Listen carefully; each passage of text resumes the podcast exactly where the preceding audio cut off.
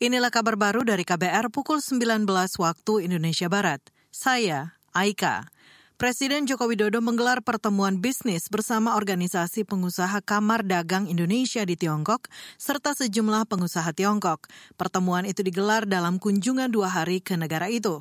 Dalam pertemuan tersebut, Presiden Jokowi menekankan komitmen Indonesia untuk menjaga investasi tetap stabil dan berjalan baik dengan Tiongkok.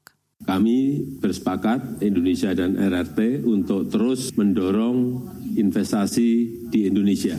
Dan secara khusus tadi malam saya minta agar yang kawasan industri di Kalimantan Utara diberikan dorongan dan yang kedua kerjasama untuk di dan investasi di ibu kota Nusantara juga diberikan dorongan dan presidensi menyampaikan beliau concern dan akan memberikan dorongan ke arah yang saya minta. Di luar itu juga tetap akan didorong semuanya. Khusus Indonesia, beliau menyampaikan khusus Indonesia.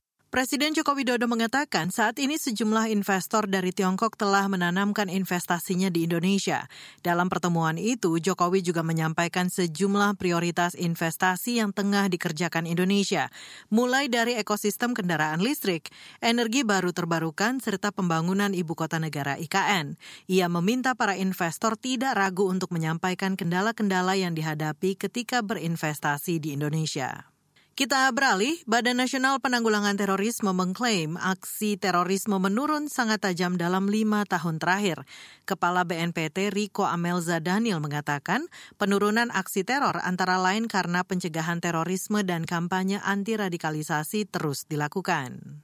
Tetap kami lakukan sebagai bagian dari kewenangan penindakan yang KPK lakukan. Kita memahami kemudian bagaimana melalui OTT kami dapat membuka suatu perkara yang lebih besar melalui pintu masuknya adalah dengan uh, eh, OTT atau tangkap tangan begitu.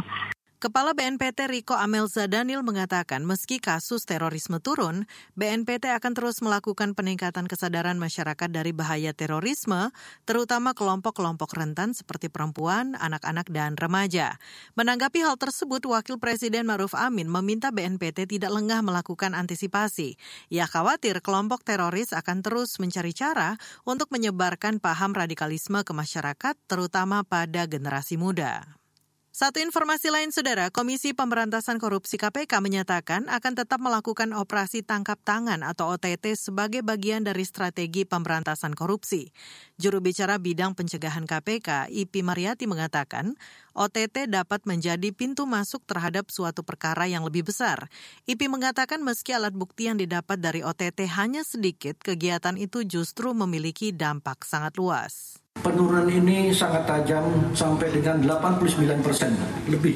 Dan indeks potensi radikalisme dan indeks resiko terorisme terus juga menurun. Dan posisi Indonesia kami laporkan dalam Global Terrorism Index semakin baik dalam kategori medium impacted Juru bicara bidang pencegahan KPK, Ipi Mariati menyebut dari OTT yang dilakukan KPK nantinya dapat melakukan upaya perbaikan dan pencegahan dengan perbaikan sistem. Ipi mengatakan upaya penindakan berupa tangkap tangan masih tetap berkesinambungan satu sama lain dalam upaya pencegahan.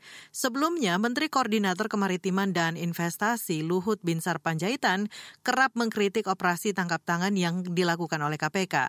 Luhut menilai semakin sedikit OTT kerja KPK KPK semakin baik. Luhut menyebut OTT tidak menunjukkan keberhasilan dalam pemberantasan tindak pidana korupsi.